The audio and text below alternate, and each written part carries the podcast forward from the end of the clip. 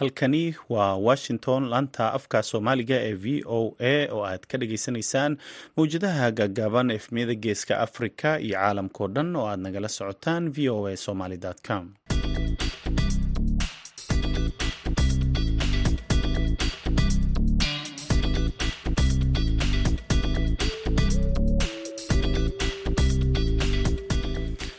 duhur wanaagsan dhegaystayaal waa maalin isniin ah bisha oktoobar ee sanadka kana waa afar iyo labaatan. Afrikada bari saacaddu waxay tilmaamaysaa kowdii iyo barkii duhurnimo idaacadda duhurnimo ee barnaamijka dhallinyarada maantana waxaa idinla socodsiinaya anigoo ah cabdulqaadir maxamed samakaab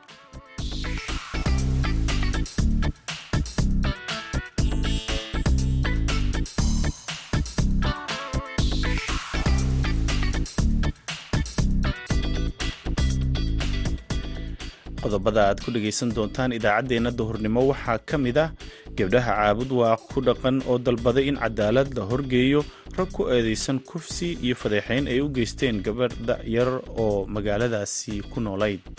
Waa waxaan aad iyo aad uga xumaanay oo na gubay oo guryahanaga naga soo saaray maantayto aad iyo aad baana uga xunnahay gabadha yarta ah falka loo geystay waxaan kaloo fariin u diraynaa dadka caadaystay inay xaalxaal mastuur wax ku dhammeeyaan iyo xeerbeeg iyo qajjacda in waxaan la yidhaahdo aysan barnaamijkan saas u gelinin ee waxaan la yidhahdo sharcigu diinta islaamka wixii ay ka qabto la mariyo.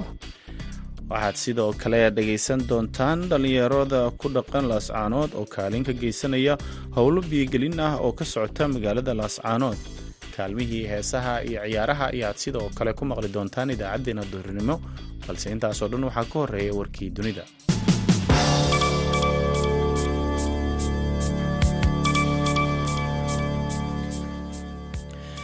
maanta oo isniin ah ayaa lagu wadaa in dalka britain uu yeesho ra'iisul wasaarihii saddexaad muddo sanad gudihiis ah kadib markii toddobaadkii la soo dhaafay iscasishay liz truss oo noqonaysa ra'iisul wasaarihii ugu muddada gaabnaa taariikhda britain.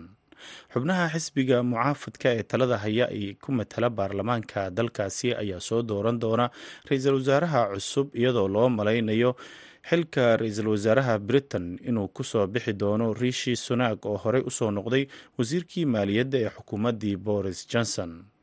Waxaa tartanka isaga haray oo goor dambe oo xalay ahayd ku dhawaaqay ra'iisul wasaarihii hore ee dalkaasi boris johnson oo ka mid ahaa raggii isu soo taagay kaasoo markii hore sheegtay inuu haysto taageerada boqol iyo laba xildhibaan laakiin markii dambe ku soo ururay ilaa iyo toddobiyo konton mudane liistras oo xafiiska ka sii baxaysa ayaa waxaa la degay barnaamijkeeda dhaqaalaha kaasoo mawjado argagax ah u diray suuqyada dhaqaalaha islamarkaana kala qaybiyey xisbiga konserfatifka lix toddobaad un kadib markii xilka loo magacaabay. Ciidamada ethoobiya iyo kuwa eritreya oo isgarabsanaya ayaa la wareegay gacan ku-haynta magaalada taariikhiga ah ee cadwa oo ka tirsan gobolka ay colaada ragaadisay ee tigre sida uu axaddii sheegay shaqaale ka tirsan kuwa gargaarka ka hor inta aysan bilaaban wadahadallada nabadda ee u dhexeeya dhinacyada dagaalamaya oo maanta ka furmaya dalka south africa ciidamada ethoobiya iyo eritreya ayaa sabtidii qabsaday magaalada cadwa iyadoo ciidamada jabhadda t p l f ay isaga baxeen magaalada kadib markii khasaare ballaaran ay kala kulmeen dagaalka. Sida uu wakaalada wararka ee associated press u sheegay shaqaale ka tirsan hay'adaha samafalka oo magaciisa uga gaabsaday sababo la xiriira dhinaca ammaankiisa. Wuxuu sarkaalka intaasi ku daray in duqeymo sabtidii ka dhacay cadwa ay sababeen khasaare aan la cayimin oo rayidka soo gaaray in jabhadda t p l f ay lumiyaan magaalada cadwa ayaa ka dhigan dib u dhicii ugu dambeeyey ee soo wajaha hogaamiyaasha tigrega kuwaas oo si isdabajoog ah gacantooda looga bixinayay magaalooyin dhowr ah maalmihii u dambeeyey wadahadallada maanta ka furmaya south africa ee garwadeenka uu ka yahay ururka midooda africa ayaa waxaa soo dhoweeyey xogayaha guud ee qaramada midoobey antonio guteres iyo xogayaha arrimaha dibadda ee mareykanka antony blinken kuwaas oo si wada jira ugu baaqay in la dhammeeyo colaada gobolka tigre islamarkaana ciidamada eritreya ay ka baxaan dalka ethoobiya dowladda etoobiya ayaa sheegtay talaadadii inay qabsadeen magaalada weyn ee shire taasoo uu ku yaalo kaam ay ku nool yihiin dad barakacayaal ah ugu dambeyntiina kuuriyada koofureed ayaa isniinta maanta ah sheegtay in rasaas iyo madaafiic ay isdhaafsadeen kuuriyada waqooyi iskuna dhaafsadeen meel u dhow xeebtooda galbeed iyadoo israsaaseynta ay sii hurinayso xiisada militari ee u dhexeysa labada kuuriya militariga kuuriyada koofureed ayaa sheegay in ururnimadii saaka ay rasaas ku fureen markab ganacsi oo kuuriyada waqooyi ay leedahay oo ka gudbay qadka xadidan ee ku yaalla xuduudda ay wadaagaan labada kuuriye qiyaastii sagaashan daqiiqo kadib kuuriyada waqooyi ayaa toban gantaal ku riday kuuriyada koofureed taasoo ay kaga jawaab celisay rasaasta kuuriyada koofureed oo markabkooda ay ku fureen sida lagu sheegay bayaan ka soo baxay pyongyang. Markabka kuuriyada waqooyi ay leedahay ayaa ka soo gudbay aagga la xadiday ee waqooyiga ee loo yaqaano niil kaasoo u dhow jasiiradda kuuriyada koofureed laakiin wuxuu dib u laabtay markii digniinta loo jeediyey sida ay sheegeen militariga kuuriyada koofureed dhegeystayaal warkeena iyo dunidana waa nageynta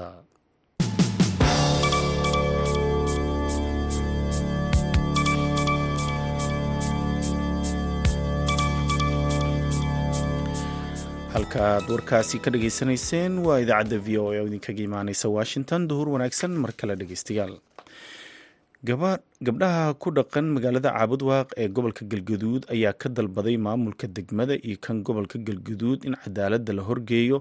Rag la sheegay inay qeyb ka noqdeen kufsi iyo fadeexeyn ay u geysteen gabadha yar oo reer caabudwaaq ah. Sida uu warbixintan ku faahfaahinayo wariyaha v o eda cabdiwaaxid macalin isaaq. Inkastoo laamaha amniga degmada cabuudwaaq ee dowlad goboleedka galmudug ay gacanta ku dhigeen laba dhalinyaro ah haddana qeybaha ciidamada ayaa baadigoob ugu jira soo qabashada mid ka mida dhalinyaro lagu eedeeyey ka mid ahaanshaha koox dhalinyaro ah oo fal kufsi ah ka geysatay degmada cabuudwaaq ee gobolka galgaduud. Gabdhaha dhalinyarada degmada cabuudwaaq oo kulan yeeshay ayaa wax laga xumaada ku tilmaamay kufsigii ka dhacay degmada cabuudwaaq kaasi oo loo geystay gabar yar oo ka mid ahayd dadka cabuudwaaq xamdi meyle maxamed ayaa qeybaha bulshada iyo maamulka degmada cabuudwaaq ka dalbatay cadaalad marsiinta kuwii geystay kufsigii ka dhacay cabuudwaaq arrinta ku dhacday gabadha daayarka ee ka dhacday degmadan waxaa halka isugu imaan maanta ma ahan war ma ahan hadal hadday gacanteena iyo afkeena iyo awoodeenu waa isla egtahay maanta. midiya maanaan soo istaagin akshanka nooga aadan. iyo wuxuu mudan yahay ayaan masinin ama nala dhashaan ama daris hanala ahaadaan ama ha noqdaan kuwa anaga waaridka u nahay uma aanan asxaaqilinen laakiin waxa halkaana keenay waxay maanta inaan baaqeena gabdhahaan muujino inaanan ka aamusin mas'uuliyadana saaran iyo wax runtii annaga ee naga mudan tahay gabadhaas waxay tahay inaan garab istaagno maanta waxaan halkaa isugu imaanay haddaan nahay gabdhihii caabudwa haddaan nahay aqoonyaankii haddaan nahay dadkii ka damqanaya da-yartooda inaan halkan maanta baaq uga soo jeedo bulshada caawdada oo dhammaystiran shacabka galmudug iyo shacabka soomaaliyeed bulshada caawdada ugu horreeya maamulkooda culimaaduunkooda dhalinyaradooda haweenkooda qaybaha kala duwan ee bulshada salaadiinta dhaqanka. waxaan leenahay halkan maanta u soo istaagna waxaan ka rabnaa shala falkii dhacay ee dilka ahaa ee ninkii baxsada inta la keenay labaad gabaqarashka naga mariyay waa la toogta kama liitaan labada maanta inta fada ama midka ee xamar jooga. iyo kuwa xiran kama liitaan intaa sharcigii iyo maxkamadii iyo dadaalkii juhdigii mariyay ayaa maanta halkan u soo istaagnay inta loo golo raadiyo la keeno wax mudan yihiinna lama siiyo ikraan cali aadan ayaa sheegtay in dhacdadii cabuudwaaq ay ahayd mid si weyn ay bulshada u dareemeen. Falka foosha xun oo wuxuushnimada ah oo maalmahan gilgilay caalamkii caawdaq kaliya lama oran karo baraha bulshada markaad fiirisid waxaan la yidhaahda caalamkii o dhan buu gilgilay. Waa fal aada u fool xun waa falaan ka xumaanay. Waxaan la yidhaahdo ka gabdha ahaan iyo waxaan ka islaantinimo ahaan iyo waxaan la yidhaahdo ka bulsho ahaanba waa waxaan aad iyo aad uga xumaanay oo na gubay oo guryahanaga naga soo saaray maantayto aad iyo aad baan uga xunnahay gabadha yarta ah falka loo geystay. Waxaan kaloo oon fariin u diraynaa dadka caadaystay inay xaalxaal mastuur wax ku dhammeeyaan iyo wax yidhaahdo xeerbeeg iyo qajjacda in waxaan la yidhaahdo aysan barnaamijkan saas u gelinin ee waxaan la yidhahda sharcigu diinta islaamka wixii ay ka qabto la mariyo gabdhaha cabuudwaaq ayaa kulankooda ku dalbaday sidii cadaalad ay u heli lahayd gabadhii kufsiga loogu geystay cabuudwaaq waxaana ayaan maxamed ay bulshada ka dalbatay waxaan rabaa arintaas gabadha yarta oo walaasheena oo masaakiinta oo dhibka loo geeyay uu raas caseyr ilaa raas gambooni gaaray meel soomaali afkeeda ay ku hadasho uu gaaray. Waxaan rabnaa inay u kacaan ay ka hadlaan sida diinta islaamka iyo shareecada islaamka uu qabo inay mataqaanaa lagu dhaqo ee cadaaladaas gabadhaas ay u raadiyaan maadaama dadkan ayagu madaxooda ay yihiin oo dadkay u dhaarteen dadkay maamulka u hayeen yihiin. Waxaan rabnaa inay ay ka dhiidhiyaan ay ka hadlaan qof kasta oo mansab iyo magac leh oo arintaas u geli karo inuu galaa rabnaa. Madaxweyne axmed cabdikaariye qoorqoor madaxweyne ku-xigeenka cali ciid maxkamadda darajada wasaaradda diinta iyo awqaafta wasaaradda humanitarianka wasaarad kasta iyo qof kasta oo munsiba oo maamulkaas ka tirsan waxaan rabnaa ayadan inuu arintaa ka qayb qaato. Arintan aad bay u xanuun badan tahay. Arintan dhacdo soo laalaabatay weeye. Magaalada ku soo laalaabatay geyga soomaalida ku soo laalaabatay meel kasta ka dhacdaa maalin kasta waxaa ragnaa gabar walaasheena gabar masaakiina oo oynaysa. Qof kastana waa danqinaysaa laakiin aad momentigaas ama xaalada marka lagu jiray qofka danqinaysaa xaaladaasu ma la rabo marka dhacdadaas ay taagan tahay in ay ku danqiso. Waxaa la rabaa markasta inay ku danqiso. Waxaana way soo bateen way soo socdaan way soo noqnoqonayaan. Waa waxna xanuujisay ka deegaan ahaan raas casay raas gambooni dadka ku nool caabud waa qufakasta u saaran yahay. Magaalada caabuda qabay ka dhacday bay leeyihiin. Midna waa rabaa inaan dhaho ayadan inaan ka hadlo. Oo ah dadka baraha bulshada isticmaal hadday yihiin dadka deegaanka ku dhaqan hadday yihiin soomaali idilkeed qofkii aaladda internetka isticmaal ilaahay ka baq oo ilaahay ka xisho oo muslimnimada qadari oo soomaalinimada qadari oo gabadha yartaa walaasheeda fiideogeeda aad faafinaysiin oo qolalka aad dhigdhigaysiin oo meelaha aad gelinaysiin oo isku diraysiin waxaan arkaynaa dad waaweyn oo maajuuro oo dhahaya fiideogi ma haysaan. Laamaha amniga degmada cabuud waaq ee gobolka galgaduud ayaa gacanta ku dhigay dhalinyaro lagu eedeeyey in ay qayb ka ahaayeen fal kufsi ah oo ka dhacay cabuud waaq islamarkaana muuqaal lagu baahiyey baraha bulshada la duubay habeenkii uu kufsiga dhacayay. Hase ahaatee laamaha amniga ayaa baadigoob ugu jira. Mid ka mid a dhallinyaradaas oo baxsad ah cabdiwaaxid macalin isxaaq v o a gaalkacyo markana dhegaystayaal waxaad ku soo dhowaataan kaalmihii heesaha aan soo qabto mid ka mid a heesaha uu ku luqeeyo cabdi diini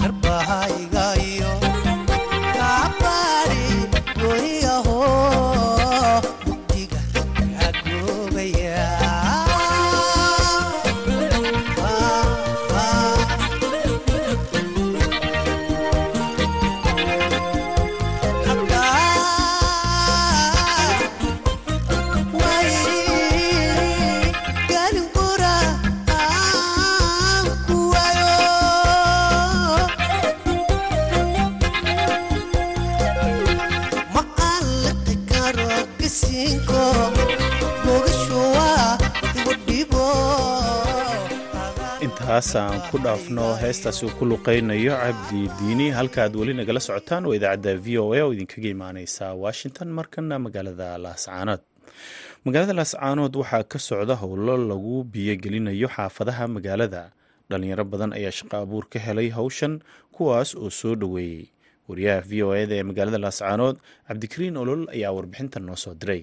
Magaalada laascaanood labadii sane ee ugu dambeysay waxaa ka soconaya biyogelin laga sameynaya xaafadaha kala duwan.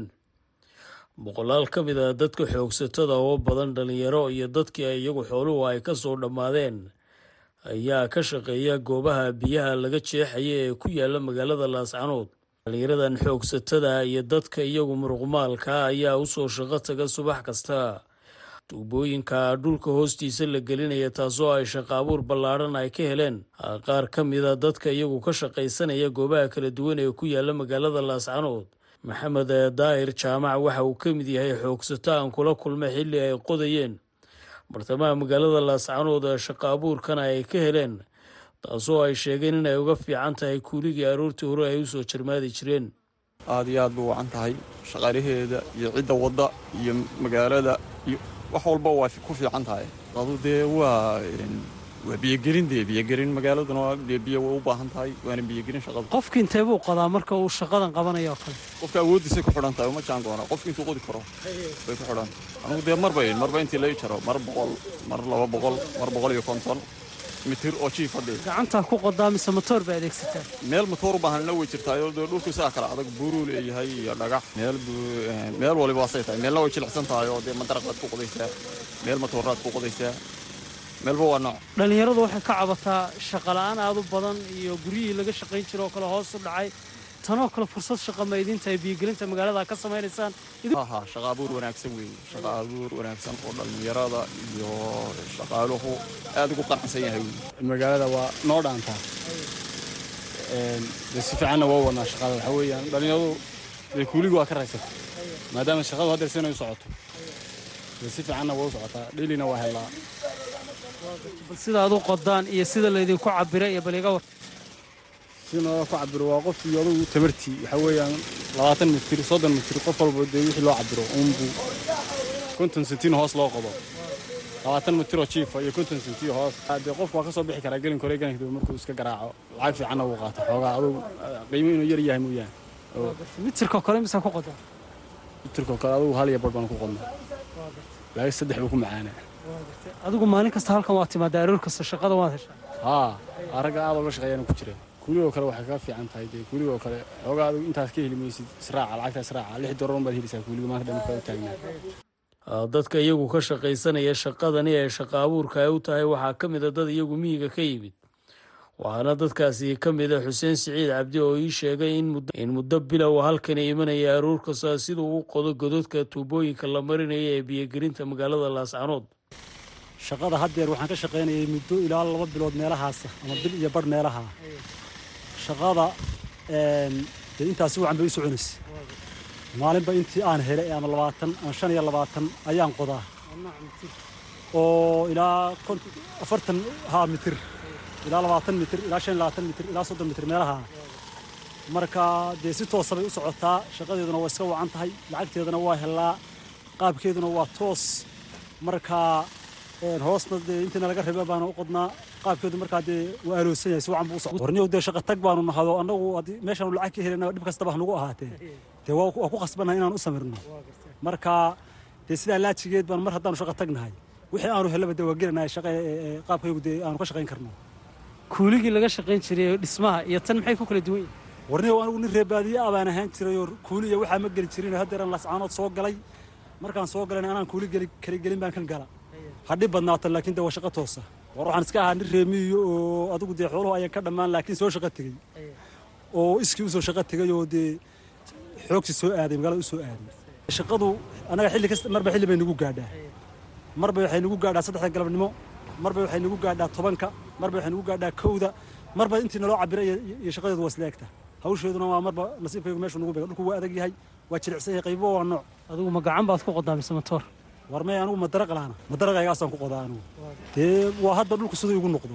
Meel hadday doonto adkaanaysa oo galab kugu dhacasa meel baa ilaahay kuu jilcinaya oo aad sagaalka ama tobanka ka baxaysaa marka waa siba dee nasiibkaagu sida uu ilahay kugu soo kala beego.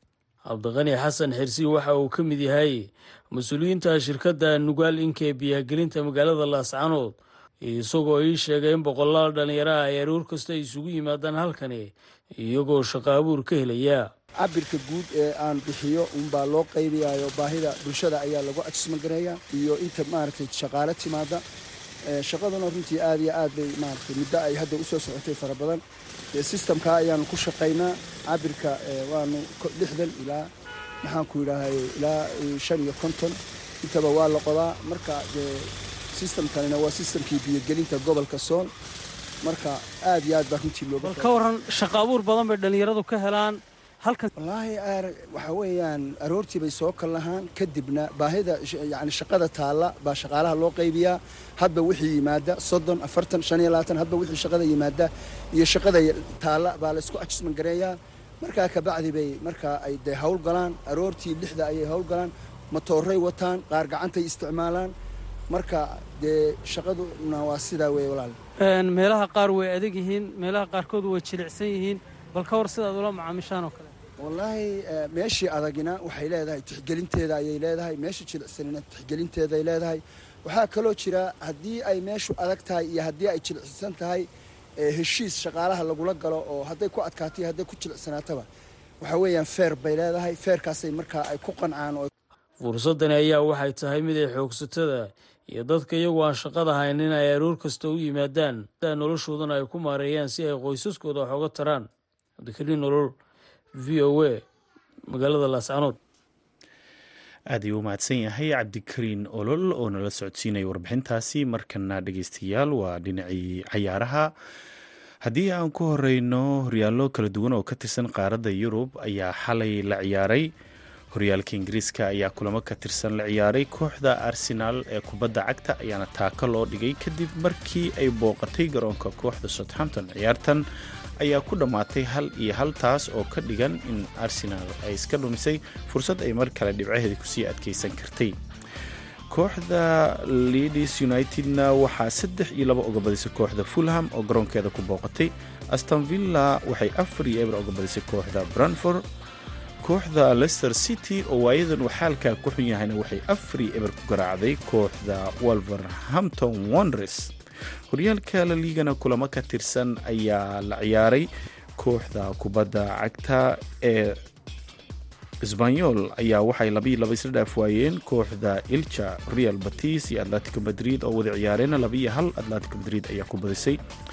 Kooxda kale ee gronana waxa ay hal iyo hal la dhaaf weysay kooxda asusuna villareal iyo almeria oo wada ciyaareen laba iyo hal villareal ayaa ku badisay xili dambe oo xalay waxaa soo gashay ciyaar u dhexeysa kooxaha barcelona iyo atletic bilbow kooxda barcelona ayaana afar iyo eber ku garaacday kooxda atletico bilbow horyaalka siraaga ee kubadda cagta oo kooxda napoli ay horkacaysana wax kulamo ka tirsan ayaa xalay la ciyaaray. Kooxda roma ayaana guuldarro ay soo gaartay waxaana ka badisay kooxda napoli oo sanadkan aan marna dhinaceeda la dhigin mar tartamada oo dhan. Napoli oo hogaaminaysa horyaalka siraaga ayaana gool iyo waxba ku garaacday kooxda roma tababare hoose morinoho oo ka raja qabay inuu galo kaalinta saddexaad ayaana hadda fadhiya kaalinta lixaad guuldaradaas ay ku keentay. Laakiinse kooxda ac milan ayaa kaalinta labaad xajisatay kadib markii ay guul gaartay. Ciyaarta kale ee dhex martay kooxaha lazio iyo atlanta ayaa iyagana ahaa kulamadii ugu adkaa toddobaadkan. Kooxda lazio ayaana labi eber ku garaacday kooxda atlanta waxaana ay gashay kaalinta saddexaad atlanta iyo afraad ah roma ayaana lixaad sidaasi ku gashay. Dhinaca dalka ingiriiskana koox tababaraha kooxda manchester united eric tanxaaq ayaan ilaa iyo hadda ka hadlin xaaladda cristiano ronaldo oo tababarka ama kulankii kooxda chelsea ay kaga hortegaysana laga saaray dadka ciyaaraha falanqeeya ayaana ku kala duwan habka tanxaaq uu la dhaqmay cristiano ronaldo iyadoo qaarkood ay la dhacsan yihiin go'aanka uu ka gaaray tanxaaq halka kuwo kalena ay leeyihiin in xidiga uu qalmay ixtiraam ka duwan sida hadda loola dhaqmay. Mustaqbalka ronaldo ee kooxda manchester united ayaana shaki la gelinayaa iyadoo loo badinayo in marka la gaaro bisha januari uu xidiga isaga tago. Sidoo kalena koobka adduunka marka uu soo dhammaado kadib waxaa dhegaystayaal kulamada amaanati sidoo kale kulamo kala duwan ayaana berito la ciyaari doona oo ka tirsan tartamada yurub. Kulamadaasi ayaana ah kulamadii shanaad iyadoo toddobaadka dambena la soo gebagabayn doono heerka guruubada laiskuna diyaarin doono koobka adduunka oo hadda qarka loo saaran yahay inuu bilowdo bil kadib wararkeennii ciyaaraha waa naga intaa markana waxaad ku soo dhowaataan kaalmihii heesaha